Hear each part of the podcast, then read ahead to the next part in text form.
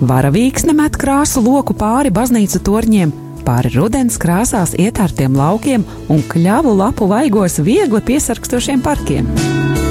Ko tu plāno šim rudenim? Tvert dienu, baudīt pievakari, priecāties par jaunu rītu vai klusu lūgt naktī. Brīnišķīgi!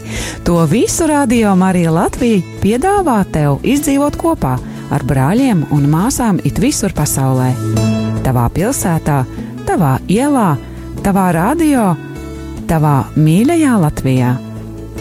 Radio Marija Latvija - patvērums dievā 24 stundas diennaktī.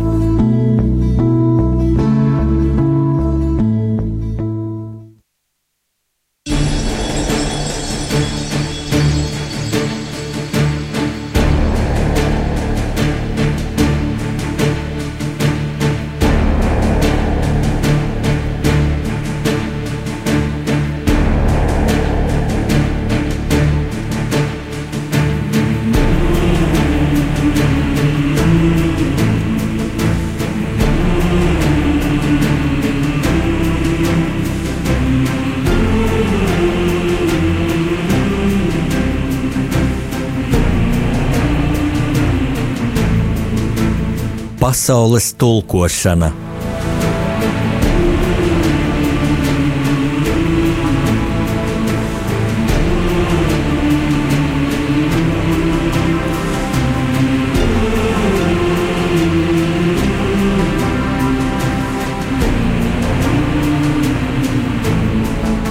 Studijā rakstnieks Jānis Udris.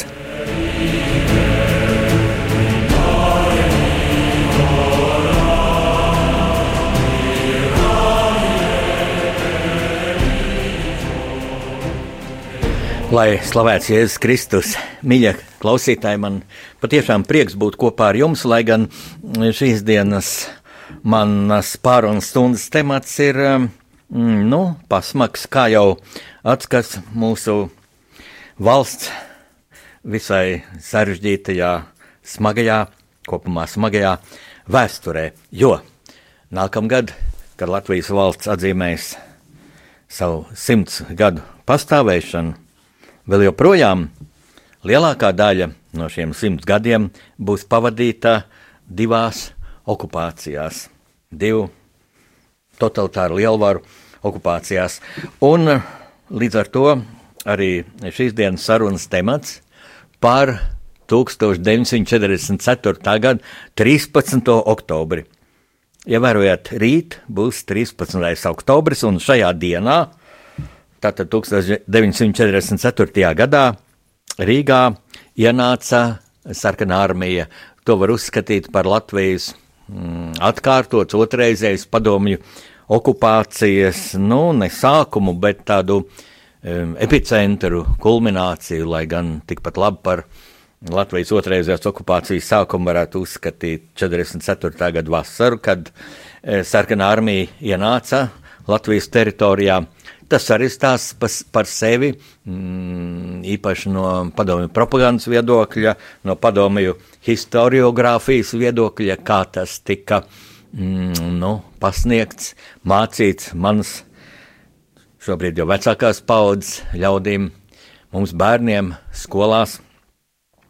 Nu, un ir arī pamats uzskatīt par Latvijas mm, otrreizējās padomju okupācijas tādu mm, juridisko noformējumu 1945. gada 9. maiju, kad pēc PSRS histori historiografijas mm, kanoniem un propagandistiskās pieejas uh, kapitulēja Hitleriskā Vācija, lai gan patiesībā kapitulācijas akts tika parakstīts 8. maijā 45. gadā. Nu, tā tad Rīgas ieņemšanu, jeb Rīgas nu, okupāciju, varētu teikt. Um, te ir jārunā par ārkārtīgi lieliem padomju vēsturnieku meliem. Lūk, manā priekšā ir 1980. gadā Rīgā apgādā zinātne izdota grāmata Rīgas sociālisma laikmetā. Un šajā grāmatā ir īpaša nodaļa Rīgas atbrīvošana, un tajā ir nu, astoņas, astoņas lapuses veltīts Rīgas atbrīvošanai. Šī nodaļa ir pārblīvēta ar skaitļiem, ar faktiem, cik ārkārtīgi spēcīgi nocietināta bija Rīga 1944. gada oktobrī, un kā sarkanā armija gatavojās Rīgas ieņemšanai jau kopš 44. gada augusta. Īpaši spēcīgi tā tad bija nocietināta um, Rīgas uh, robeža no Juglas ezera līdz Daugavai. Un, un kādi tikai milzīgi tur vācu spēki nav koncentrēti, bet šie vācu spēki ir aprakstīti tikai tā vispārīgās frāzēs, nav minētas konkrētas vācu karaspēka daļas, lai gan padomju vēsturnieki to, protams, visu ļoti labi varēja uzzināt, jo pēc kara beigām, protams, viņu rīcībā bija nacistiskās Vācijas štābu mm, dokumenti. Nē, konkrēts vācu karaspēka daļas minēts, tikai šo karaspēka daļu esot bijis ļoti, ļoti daudz. Nu, toties šeit ir pārblīvēts ar eh, padomju karaspēka daļu uzskaitiem. Tepat vairākas frontes ir satikušās un, un varonīgi tātad cīnījušās par eh, Rīgas atbrīvošanu. Mm. Un es gribu nocitēt kādu, kādu ļoti īpašu vietu. Lūk, mm, Tātad visur Rīga bija ļoti spēcīgi nocietināta un aizjūt hitleriešu spridzinājumu, dedzināja rūpniecības uzņēmumus, sabiedriskās ēkas, īpaši spridzinātāju komandas iznīcināja Rīgas ostas piestādnes, noliktavas celtnis, tika uzspridzināts Rīgas elektrostacijas, sabojāt kanalizāciju, ūdens vats. Nu, lūk, šie apgalvojumi gan atbilst patiesībai, jo uh, vāciešiem, kā jau okupantiem, jo vācieši arī bija okupanti, tā ir man pārliecība, to liecina vēstures fakti, un galu galā, ja kāds tagad no ļoti tādām nacionāli patriotiskām pozīcijām, iedomājieties, ka viņš ir īstāks patriots par mani, E, sākt man apstrīdēt, tad es teikšu, ka vācu spēki par okupācijas spēkiem bija nosaukti arī 1944. gada 17. martā pieņemtajā Latvijas centrālās padomas memoāra, memorandā, patiešām heroiskajā dokumentā, par ko šī memoranda parakstītāji arī samaksāja ar savu dzīvību.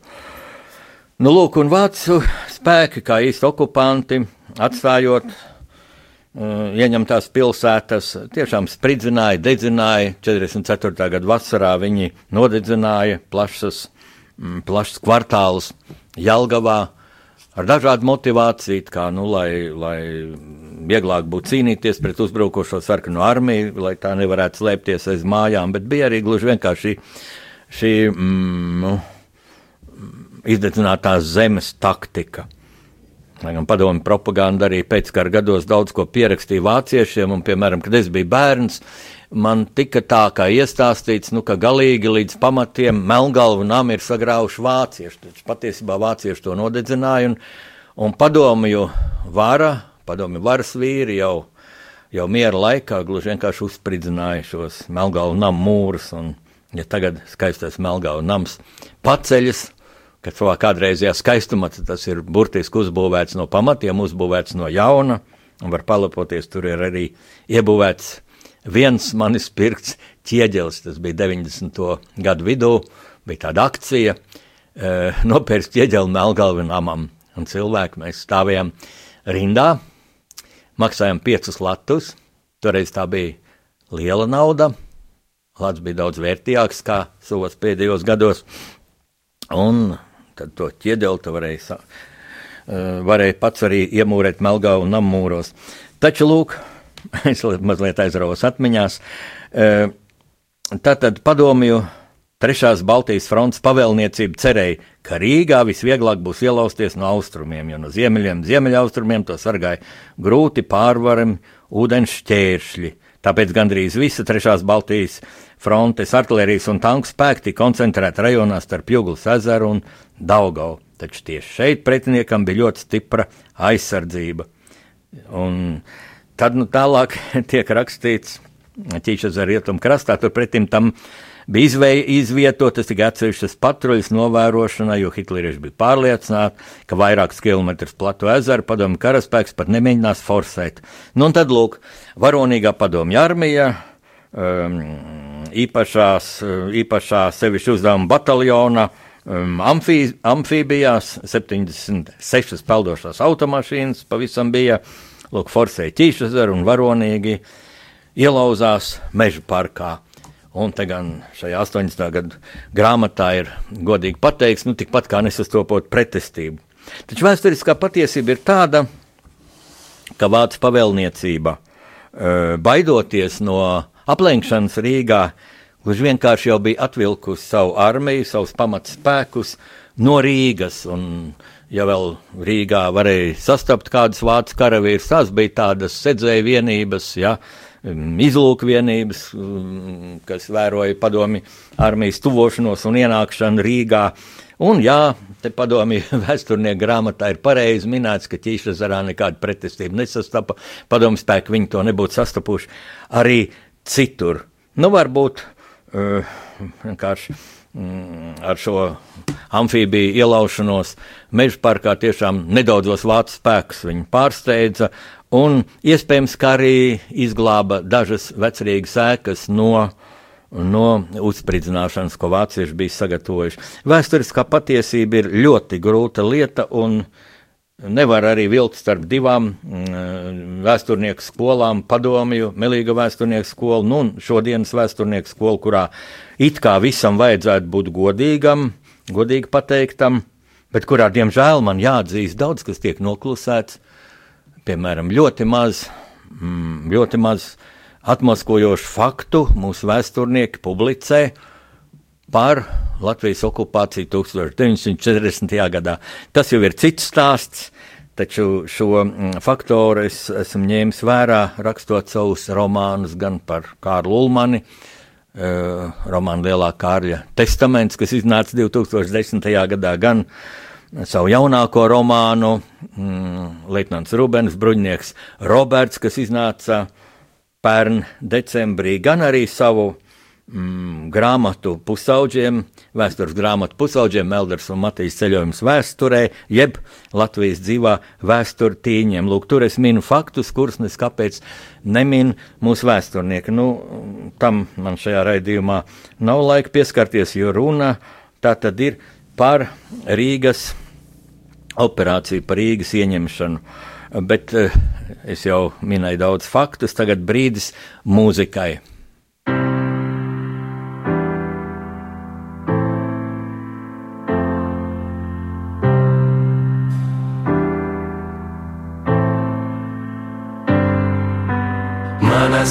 Sirds ir Latvijā, lūdzu, dod man spēku Visur tevi Latvijā dzirdu, jūtu, redzu, kad es būšu Latvijā.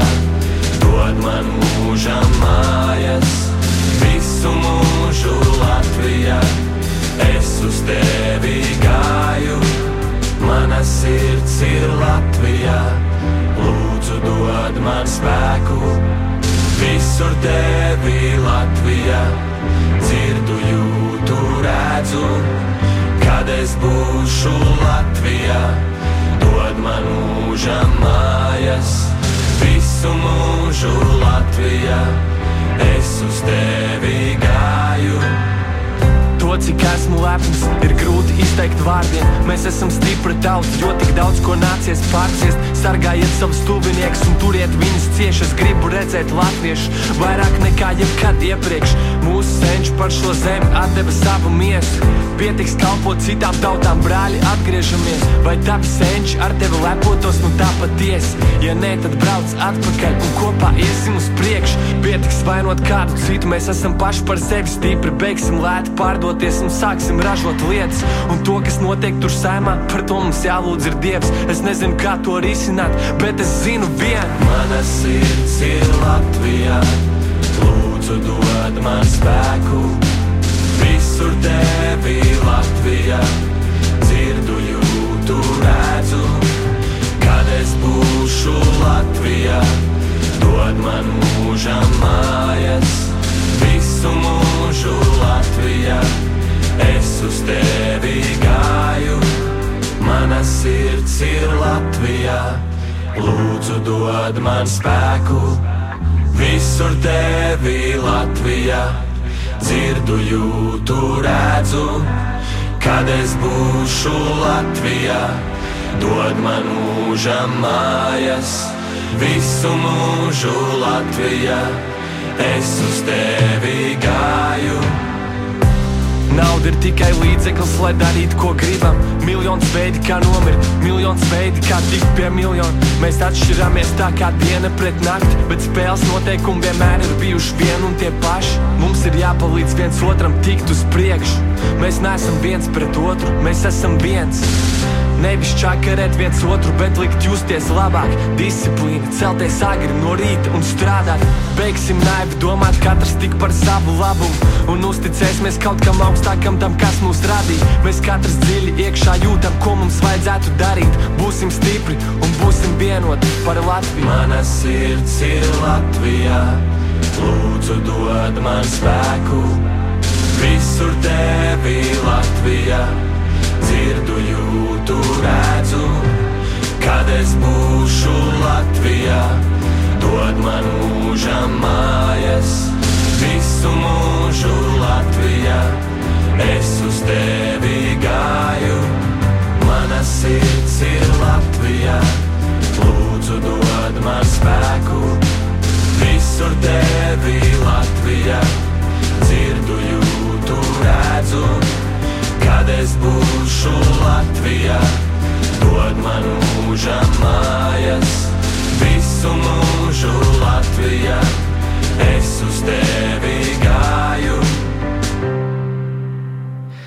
Jūs klausāties rakstnieku pārunu stundu pasaules tulkošana, radio arī Latvija ar jums runā Jānis Udris, tātad Rīgas atbrīvošana 1944. gada 13. oktobrī. Rīgas atbrīvošana, runājot padomi terminoloģijā, būtisks notikums Latvijas otrreizējā padomi okupācijā no mūsdienu vēstures viedokļa. Šajā operācijā, kas tātad kā militārs kaujas pastāvēja galvenokārt padomju okupācijas gados, melīgās vēstures grāmatās, uh, bija ļoti īpatnēja loma latviešu karavīriem, latviešu militārajām vienībām sarkanajā armijā. Un šādas vienības bija un karo, karoja ļoti varonīgi. Um, sarkanajā armijā bija divas latviešu divīzijas. Pirmā tika izveidota jau 1941. gada uh, rudenī. Gorohovecas nometnēs un piedalījās jau 41. gada decembrī kaujās pie Maskavas. Uh, tur vēl Maskavas pievārtē ir tāda stacija, Latvijas Latvijas stacija. Lūk, tā ir tā vieta, kur šie latviešu karavīri mm, tika izsēdināti no ešaloniem, lai dotos uh, kaujā, mm, ļoti asiņainā kaujā pret vāciešiem. Tas ir vēstures fakts. Uh, es esmu ticies ar nevienu vienu Mm, kara veterānu, kas ir karojis sarkanajā armijā. Um, viens no tiem bija mūsu mm, latviešu sporta žurnālistikas leģenda Zigorts Mežvilks, kurš Maskavas kaujās arī tik smagi ievainot, zaudēja kāju, uh, kurš līdz mūža pēdējai dienai, viņš mira tikai pirms dažiem gadiem, bija ļoti patriotisks. Mm, un, kad es viņam prasīju, Zigi, kā, kā tu tā sadomāji, būtībā puika, būdams 16 gados, brīvprātīgi iestāties sarkanajā armijā, viņš teica, Jāni, bet taču visus Ulmaņa laikus, jā, šos Ulmaņa autoritārās valdīšanas gadus, mm, vēstures stundās mums tika mācīts atkal un atkal, ka vācieši ir mūsu lielākie ienaidnieki, septiņus gadsimtus vācieši mūs ir apspieduši. Neviena kritiska vārda par padomju savienību, jo gluži vienkārši Ulmaņa valdība e, nu, baidījās no lielā austrumu kaimiņa. Ar to arī izskaidrojams lielā mērā tas, mm, ka tik veikli izdevās padomi padomju okupantiem īstenot eh, ļoti viltīgu Latvijas okupēšanas režīmu 1940. gadā, šo ļoti viltīgo scenāriju īstenot. Nu, tas jau ir cits stāsts, bet Latviešu strelnieku divīzija karoja ļoti varonīgi, bija tāds, viņiem tāds baismīgs lozungs - Latviju zēni nelocās vācu lodēm, un viņi gāja izslēgšies pilna augumā pretī vācu kaulzāģu ugunīm. Krita, Maskavas kaujās krita apmēram puse no šīs latviešu divīzijas personāla sastāva. Nu, un par šīm Latvijas zēnu lietajām asinīm divīzijai piešķīra gvards divīzijas nosaukumu, vēlāk tika izveidota arī otra divīzija, kas tika apvienots latviešu strelnieku korpusā. E, protams, kara turpinājumā šajās divās latviešu divīzijās bija ne tikai latvieši, jo kritušo bija daudz, un lai papildinātu mobilizāciju kritušo rindas, tad uh, tika iesaukti nu, dažādi tautību, galvenokārt krievu puiši un arī iekļaut šajā latviešu strelnieku korpusā. Taču tā vai citādi tās bija pamatā ļoti latviskas karaspēka daļas, kuru komandieri bija, esmu arī sastapis nevienu no viņiem, savās žurnālistu gaitās, e, kuri bija nu, nacionāli komunistiski noskaņoti. Un e, kara laikā viņi gan nevarēja iedomāties, ka pēc tam pārnākot Latvijā, e, viņu tēvi, viņa mātes ar varu tiks dzīti kolhozos, ka tiks atņemta zeme, arī tā zeme, kur ar lielu pompu padomu okupācijas pirmajā gadā iedeva nabadzīgajiem zemniekiem. Uh, vispār padomju propaganda darbojās ļoti viltīgi. Mm, Maskavā uh, no Maskavas tika organizēta radio raidījuma uz Latviju, kur sākās ar Dievsvētī Latviju melodiju. Ties neskanēja vārdi, bet melodija Dievs sveitī Latviju un tika radīta tāda ilūzija, ka nu patiešām šie latviešu strēlnieki sarkanajā armijā cīnās jā, cīnās pret vāciešiem un cīnās par Latvijas atbrīvošanu. Un kaut kur otrajā plānā palika, ka viņi jau cīnās okupantu armijā, un ka viņa cīņas rezultātā notiks otrreizē Latvijas okupācija. Tiesa ir tāds mm, dīvains kalambūrs, juridisks būtībā, ko vajadzētu atrisināt vēsturniekiem, kādā zinātniskā konferencē, izdiskutēt kopā ar juristiem Ja man reiz tika uzdots ļoti loģisks jautājums, lūk, kad mēs runājam, es tā saku, lūk, 41. gadā, jūnijā, tātad Latvija, um, um, Latvija okupēja vācieši, Latvija bija okupēta no padomju, mm, padomju savienības, un pēc tam padomju armija aizmuka vācu pārspēku priekšā un sākās vācu okupācija. Un tad man tika jautāts, bet vai tad ir iespējams okupēt jau okupētu zemi. Nācīm redzot, tā precīzi būs, būtu jāsaka tā, ka 41. gadā padomju okupācija Latvijā nomainīja vācu okupācijas vara, vācu okupācijas administrācija ar militāru mm, pārsvaru, un 44. gadā notika pretējais process, tātad vācu okupācijas varu ar militāru pārspēku, ar militāriem uzbrukumiem nomainīja padomi okupācijas vāra. Taču lūk, šajās, tā arī Rīgā būtībā nenotikušajās kaujās, eh, tomēr nebija klāt latviešu strēlnieki. Viņi neienāca Rīgā 13.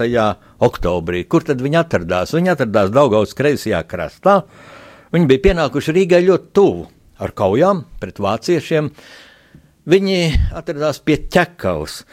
Un bija ļoti loģiski, ka viņi būtu no Daugovas kreisā krasta cēlušies pāri Daugavai un arī ienākuši Rīgā 13. oktobrī. Īpaši, ja Rīgā būtu bijuši vācu spēki, tad tie tur tiktu aplenkti. Bet nu, vācu spēku nebija. Padomju pavēlniecība to, protams, zināja, jo darbojās taču izlūkdienests, militāra izlūkošana. Bet bija kāds ļoti cits būtisks aspekts, kāpēc padomju pavēlniecība tā vietā, lai dotu šiem latviešiem pavēlu ienākt Rīgā un kļūt par īstiem savas galvaspilsētas atbrīvotājiem, kāpēc deva pavēli doties Olainas virzienā nu, un pārgriezt tātad Rīgas Jelgavas šoseju, it kā lai nogrieztu vāciešiem atkāpšanās ceļu, lai gan, kā es saprotu, Vācieši jau bija aizgājuši daudz tālāk, jo, ja jau viņi plānveidīgi atstāja Rīgu, jau vairākas dienas pirms šī 13. oktobra, tad nu, nu, gan, gan, gan nav pamat domāt, ka viņi kaut kur vēl bija īpaši liela spēka pārdaugu, vai tikai tādas aizsargu vienības. Te ir ko padomāt. Ja mēs skatāmies tālāko vēstures gaitu, tad šī latviešu strēlnieku divīzija pastāvēja līdz 1956. gadam. Un šī divīzija dislocējās Rīgā. Eh, karavīri atradās eh, kazarmās pie Krusta baznīcas.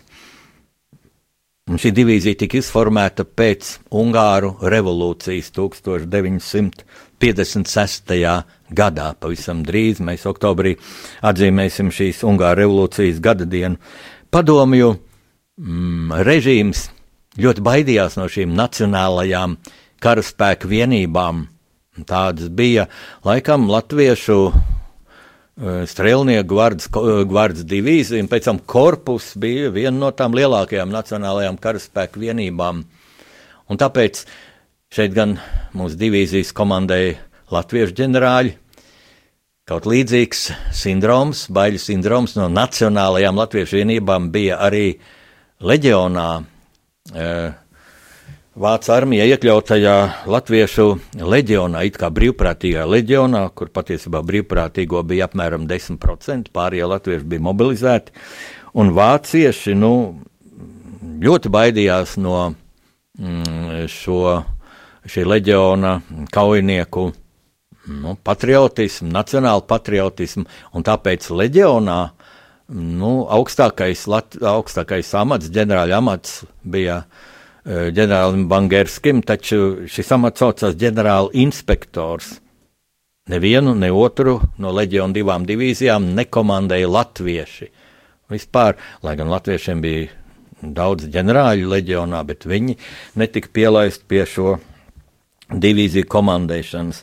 Un tā tad ir viss pamats domāt, ka padomju režīms arī nedēļu pavēlu, nedēļu iespēju latviešu strēlniekiem ienākt Rīgā ar pirmajām padomju karaspēku daļām, tieši baidoties no tā, ka varbūt šie latvieši pēc tam jau sāktu realizēt savu suverēnas valsts politiku. Uh, varbūt vairs neklausītu padomju pavēlniecības pavēlēm. Man vēsturnieks Jānis Rieksniņš minēja tādu faktu, ka viņam kāds no šīs latviešu e, strēlnieku divīzijas, pirmās divīzijas e, kaujiniekiem, virsniekiem, ir atcerējies, ka tad, kad viņi Maskavā 1941. gada decembrī devās uz staciju, caur Maskavai devās uz staciju, lai, lai kāptu e, vilcienos un brauktu uz fronti, ka tāda viņi tā ir. Un vēl viņi ir gājuši caur Maskavu un dziedājuši latviešu dziesmas, apbruņoti vairāk tūkstoši latviešu. Un tā viņi tā domājuši, ka Kremlī dažam, dažam labam varbūt papēž trīcēni. Ja nu šie strēlnieki pēkšņi atceras, šie, nu, lielā daļā arī komunistiski nosmieties strēlnieki, ja nu viņi pēkšņi atceras vai uzzina par 37. gada slepkavībām, kā Čekā tika slepkavoti latviešu virsnieki, komunisti, kas ir visu sirdi un dvēseli e, ticēja šai pasaules revolūcijai un e, sociālistiskajam taisnīgumam, un tika noslepkavoti, jo vienkārši Staļins redzēja viņos bīstams savus varas apdraudētājus. Bija doma, un ja nu šie strēlnieki pēkšņi dodas uz Kremlu arestēt Staļinu, tā grūti to iztēloties, bet Tāda nu ir mūsu tautas vēsture. Un kad tad strēlnieki ienāca Rīgā trīs dienas vēlāk, ar tādu propagandas gājienu, kad jau teikt, nu, bija nodzēsti visi ugunsgrēki Rīgā, kad jau kaut cik bija dzīve sakārtota, jau visur bija militārās patruļas, jau notika civiliedzīvotāju, neusticamo civiliedzīvotāju āresti, un jau bija tā tad, nu, pacēluši galvu arī sarkanās armijas sagaidītāji, dažādi rīznieki izturējās pret Rīgā ienākušo armiju. Uh, un tad, lūk, no Daugavas kreisā krasta šie latviešu strēlnieki tika pārcelti uh, pīkšķils pār Daugavai, un jau no Juglas puses nāca pa brīvības ielu, kas drīz tika pārdēvēta par Leņķinu ielu. Vācu okupācijas laikā bija Adolfa Hitlera strāse, un tad viņi svinīgā gājienā gāja garām brīvības piemineklim. Šajā vēstures grāmatā, kuras minēju 80. gadā izdotajā, ir minēts, ka nu, pie brīvības pieminekļa skanēja atkal padomju dziesmas un marši, un, un tā teikt, trīsnieki ar sajūsmu beidzot klausījās šīs brīnišķīgās nu, padomju, nu, lasi iekavās Krievu dziesmas un maršus, ko nebija, nebija dzirdējuši vairākus gadus. Taču patiesībā skanēja arī atkal Dievs sveitī Latviju melodija. Un tad tiešām bija arī sirsnīgs tikšanās, jo tur māte ieraudzīja savu dēlu un priecājās, ka tas ir dzīvs. Un, un tagad atkal brīdis mūzikai, un mēģiniet klausoties šo patriotisko dziesmu, eh, iztēloties notikumus, pirms tā tad vairāk kā 70 gadiem Rīgā.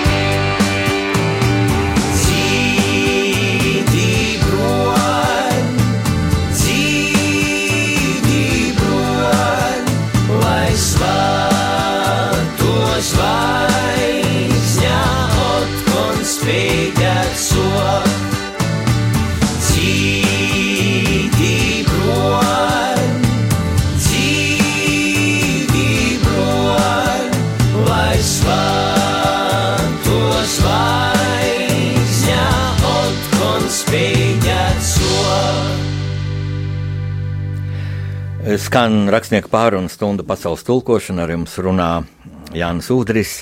E, Tātad Rīgas ieņemšana pirms 73 gadiem.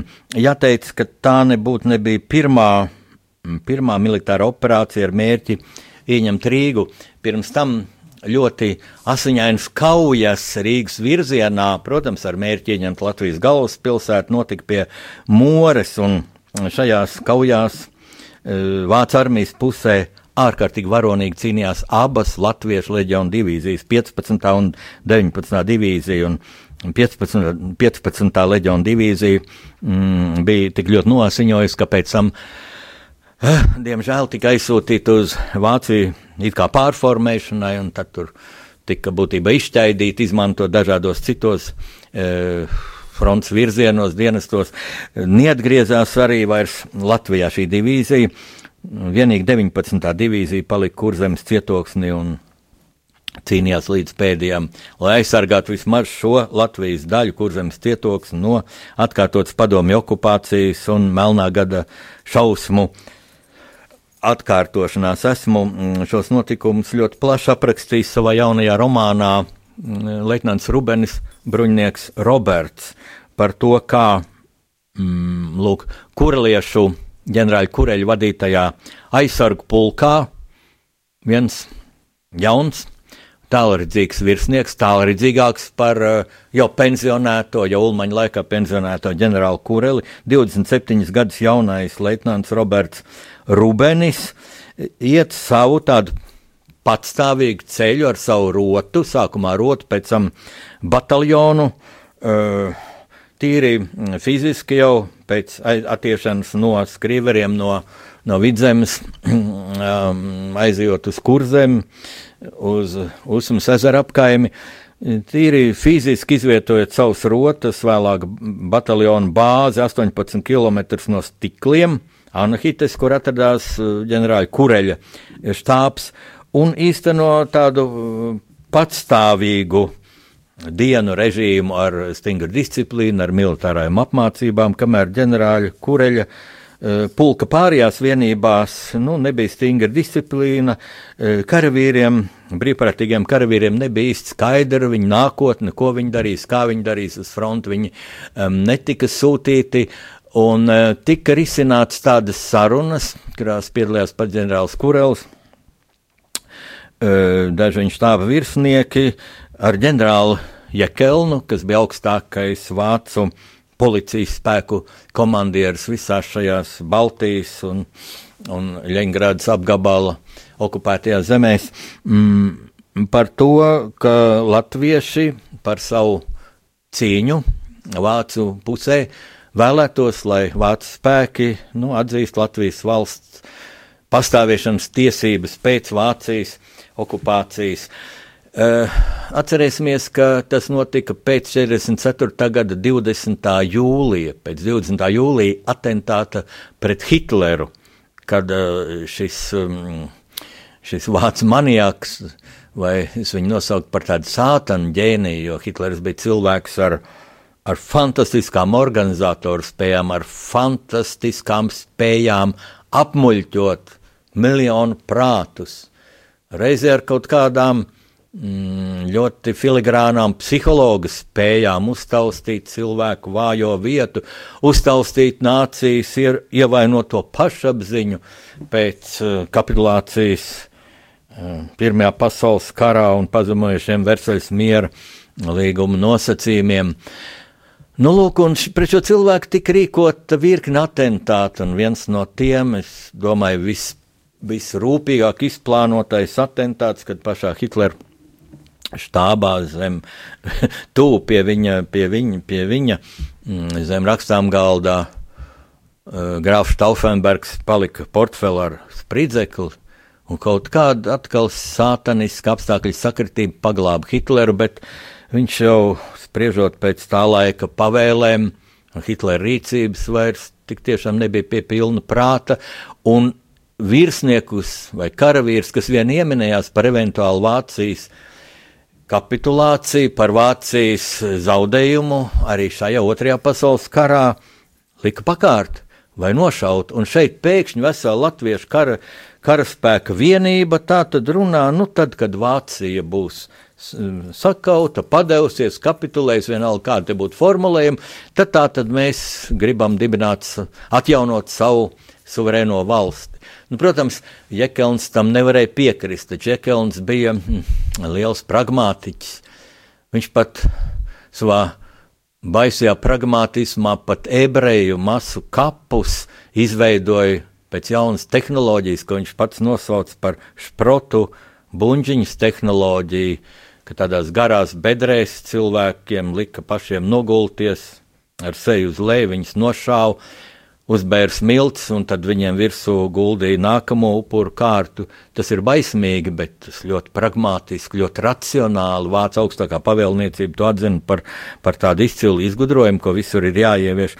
Nu, šis briesmīgais cilvēks savā pragmatismā kādu laiku arī tād, tad, nu, apsvēra iespēju, kā izdevīgāk izmantot latviešus, kuri bija ļoti patriotiski noskaņot un būtu ļoti, ļoti, ļoti. ļoti mm, efektīgi cīnījušies pret uzbrukošo sarkano armiju. Taču nu, tad vienā brīdī arī Jekelna mm, pacietības mērs bija pilns, un viņš arī pats nebija noteicējis par sevi, jo gal galā viņš, lai cik augstā amatā bija, es Obersturmbanfīrers, bet tikpat augsta ranga nacistus eh, pēc šī atentāta pret Hitleru, mm, vācu tā sauktā tautas tiesa, eh, piespried nāves sodu kur izpildīja pakarošos eh, Hitlera pretiniekus klavieru stīgās. Baismīgi mokoši nav klavieru stīgās pakar, lai viņa moks būtu ilgāks, un, protams, Čekels to nevēlējās, viņam vajadzēja demonstrēt lojalitāti Hitleram, gluži vienkārši viņš nolēma atbruņot, atbruņot uh, kureliešu vienības, un šeit nu parādījās leitnanta Rubeņa tālredzība. Kad attālāk esošo Rubeņa bataljonu nāca atbruņot, esesiešu vienība, tad rubenieši gluži vienkārši šo vienību aplenca un padzina, padzina no savas dislokācijas vietas. Pēc tam rubenieši ļoti varonīgā tādā pārgājienā, ļoti grūtā, slepenā pārgājienā, būtībā unikālā no, savu, no militārā viedokļa, e, pārvietojās pār desmit km tālāk gar Usmas ezeru krastu līdz Rendai un tur 1944. gada 18. novembrī notika kauja, kurā Rubeņa bataljons sakāva vācu spēkus, bet Rubens pats diemžēl krita. Taču viņa bataljons, viņa no, norīkotā aizvietotāja, savu vietnieku Druviņa vadībā, turpināja cīņas vēl līdz pat decembra otrajai nedēļai. Un vācieši tik spējami padomju uzbrukumam šeit, lūk, Rīgas virzienā, uh, nebija būtībā gatava. Jelgava bija vāja aizsargāta, un Jelgavu noturēja tikai latviešu leģionāri. Vispirms jau vajadzēja vācu spēkiem atkāpties pāri lielupei, bet tad padomju armijā valdīja arī liels haoss. Ir tāda, nu, Dažu vēsturnieku apgalvota, dažu vēsturnieku apšaubīta versija, ka sarkanārmieši arī Jelgavas stacijā, kas bija šausmīgi sabombardēti. Tur bija sabombardēti gan bēgļu ešaloni, gan ievainoto ešaloni.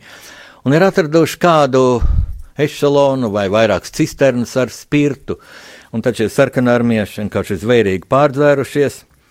Un lūk, tādā hausa brīdī latviešu leģionāru rota veica, nolēma veikt nelielu izlūkošanu ar kauju, pārcēlās gumijas laiviņās pāri no Lielupas labā krasta uz kreiso, tātad uz pilsētas centru. Mm, lai precizētu, kas tad notiek šajā sarkanā armijas ieņemtajā pilsētā, izcēlās apšaude, un sarkanā armija panikā aizbēga no Jālgavas. Nu, tad jau nāca, tad vācieši Jālgavu jau vairāk nostiprināja, rūpīgāk, un pēc dažām dienām sākās atkārtots padomju uzbrukums jau ar milzīgu pārspēku. Bet šis pirmais straujais trieciens Rīgas virzienā bija apturēts. Tā mūsu tauta ieguva vēl vairākus mēnešus līdz 44. gadam, tātad 13. oktobrim, lai atstātu Rīgu, lai dotos uz e, Kurzemi, lai kamēr vēl bija e, Rīgā Vācu armija no Rīgas ostas, pēc tam no Kurzemes ostām, no Ventspils, no Liepājas, mm, krauskuģos kuros vācieši no Vācijas pieveda kurzemes cietokšņu aizstāvjiem līdz pēdējiem brīdim munīciju, uh, lielgabalus, ložmetējus, tankus, un atpakaļ šie kuģi tā tad varēja doties ar kraustiltnēs izvietotiem latviešu bēgļiem. Tas deva iespēju apmēram 200 tūkstošiem mūsu tautas brāļu glābties no padomju režīma jaunām šausmām, Nu, daļa neliela daļa no viņiem vēlāk atgriezās Latvijā, daļa kas atradās pēc tam, kad padomju spēki ieņēma Vāciju, kas atradās padomju okupācijas zonā, protams, pēc tam tika aizsūtīti uz Sibīriju, taču lielākā daļa no šiem mūsu tautiešiem izveidoja pēckara latviešu trimdnieku paudzi, no kuras neliela daļa ir atgriezusies Latvijā. Tātad Rīga jau varēja tikt ieņemta 44. gada jūlijā, to nosargāja latviešu leģionāri. Par to manā romānā Leitnants Rubenis, bruņinieks Roberts. Nu, 13. E, oktobrs ir saistīts arī ar, ar tādām pēdējos gados, mm, varbūt mazliet klusākām, nezinu, kā būs rīt, bet ceremonijām pie tā sauktā uzvaras pieminekļa e, Pārdaugavā lai gan lielākas tur tās izdarības ir 9. maijā. E, man ir savs viedoklis par šiem notikumiem. Es atceros, ka pirmajos gados pēc Latvijas neatkarības atjaunošanas um, nu, nelatvieši un šie padomi režīmu slavinātāji būtībā nemaz tā nesliecās pulcēties tur pie pieminiekļa.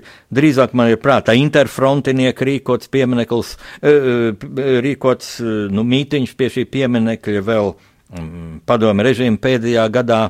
Mm, tad kāds ģenerālis tur bļāva, ka padomju armija ir gatava cīnīties gan pret ārējo, gan iekšējo ienaidnieku, respektīvi, ka šī padomju armija ir gatava apšaut latviešu patriotus, kas prasa neatkarību. Nu, šim piemineklim ir tāda melna slava, taču es uzskatu, un tas nav tikai mans subjektīvs uzskats, tā ir, tā ir politiskā realitāte. Laiks ir sasprindzināts un starptautiski saspīlēts padomju, padomju mentalitāte joprojām ir ļoti vērojama Mm, Krievijas augstākajā vadībā un šīs um, imperiskās ambīcijas, šīs revanšismu tieksmes. Un uh, mūsu valsts interesēs būtu šo jautājumu, šis, šīs nu, kaislības ar kaut kādu tādu īpašu pretdarbību neuzkurināt. Nu, vienkārši es gribētu, lai mēs esam gudri, lai mēs esam gudri, jo ir ļoti viegli. Mm, nu, Bļaut, balsot šo pieminiektu, vajag nojaukt, nu, tad to vajadzēja nojaukt varbūt sen. Uh, 91. gadā, kad, nojauc, kad novāca Leņķina pieminekļus. Ļeņķinekļus tā sauktos Latvijas pilsētās. Ja tas netika izdarīts, pēc tam šo pieminiektu mēģināja uzspridzināt, tas jau bija krimināla noziegums, jo tā ir materiāla vērtība. Šādi jautājumi vajag risināt juridiski, taču starp mūsu valstīm, starp Latviju un Krieviju ir noslēgts līgums par, šo, eh, par šādu nu, pieminiektu aizsardzību, tas gan attiecas uz karavīru apbedījumu vietām, un tur nekāda apbedījuma nav. Nu, varētu būt ilga tiesāšanās, nu, varbūt to vajadzētu darīt, varbūt arī nē. Es domāju, nu, ja tā būtu mūsu vienīgā problēma, tad jau būtu labi. Mūsu daudz lielāka problēma, daudz aktuālāks uzdevums ir stiprināt savas aizsardzības spējas, un ne tikai ar ar, ar haubicēm, ko mēs nu pat esam iegādājušies. Patiešām varenas lielgabals, man bija prieks to skatīties nu pat televīzijā.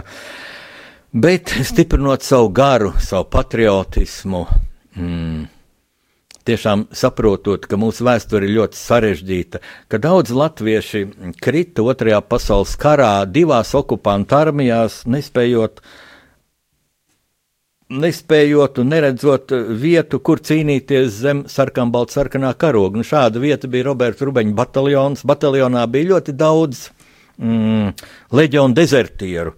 Un viens no motīviem, kāpēc Jekelns arī um, lika atbruņot kureļu pulku un Rubeņa bataljonu, uh, bija tas, ka viņi nepildīja Jekelna prasību izdot šos uh, dezertierus kara tiesai. Protams, ka viņi neizdeva, tie bija tie labākie karotāji. Daudz no viņiem bija cīnījušies jau Krievijā pie Veļīkais upes un apguvuši māku rīkoties ar šiem, mm, nu, teicamajiem vācu ieročiem, ar šim, uh, šiem kaulzāģiem, mašīnu gevēru, kas šāva ar tādu intensitāti, ka tur komandā bija trīs cilvēki un un viens šauj, otrs, otrs padod patronu lentu, un trešais ar asbestu cimdiem rokās noņem un nomaina šī ložuma stobra, jo stobra sakars sarkans, tā ka vairāk nevar paš, pašaut, un tad bija vairāk stobra komplektā. Un trešais vīrs, jā, ar azbest cimdiem, lai, eh, lai varētu turēt nokaitētu, lūk, tēraudu, mainīja šos stobrus. Lūk, tādas mm, bija e, šīs cīņas, bet, e, bet nu, Rubeņa bataljonā bija tikai 650 vīru. Tagad dalīt, kuri bija pareizajā pusē, kuri bija nepareizajā pusē, es domāju, tas ir netaisnīgi, e, ne, tas nav kristīgi, tas ir netaisnīgi pret mūsu tautas ļoti sarežģīto vēsturi. Un vēl te savu romānu Bruņnieks Roberts beidz ar to, ka kritušie gan sarknajā armijā, gan leģionā kritušie visi gaida uz iekļūšanu debesīs. Bet debesu vārti ir slēgti, izveidojas sastrēgums, jo kritušo latviešu ir tik ļoti, ļoti, ļoti daudz. Un viņi spriež, nu, kurus ielaidīs, kurus nelaidīs, kur bija tie pareizie, kur tie nepareizie. Un tad debesu vārti veras, un pāri šo kritušo rindām pāršalts vārdi iekšā laiž visus, visus, visus. Ar to es gribu beigt šīs dienas atskatu vienā no Latvijas vēstures nu, smagākajām, arī pretrunīgākajām, arī padomu laikā aizvien melīgāk atspoguļotākajām lapusēm. Patiesība ir tāda, ka par Latviju jācīnās zem sarkanbalta sarkanā karoga. Mīļie klausītāji, lai Dievs jūs svētī un sargā kopā ar jums bija Jānis Udris ar Dievpalīgu.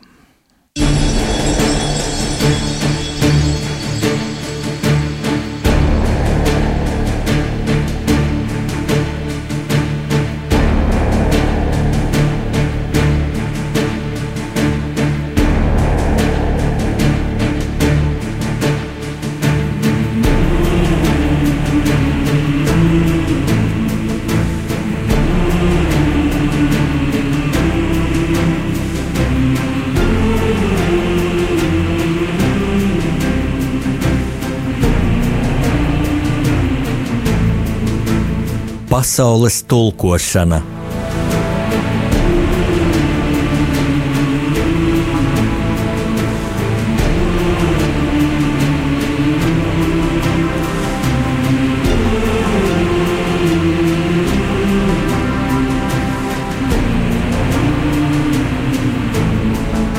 Studijā rakstnieks Jānis Udris.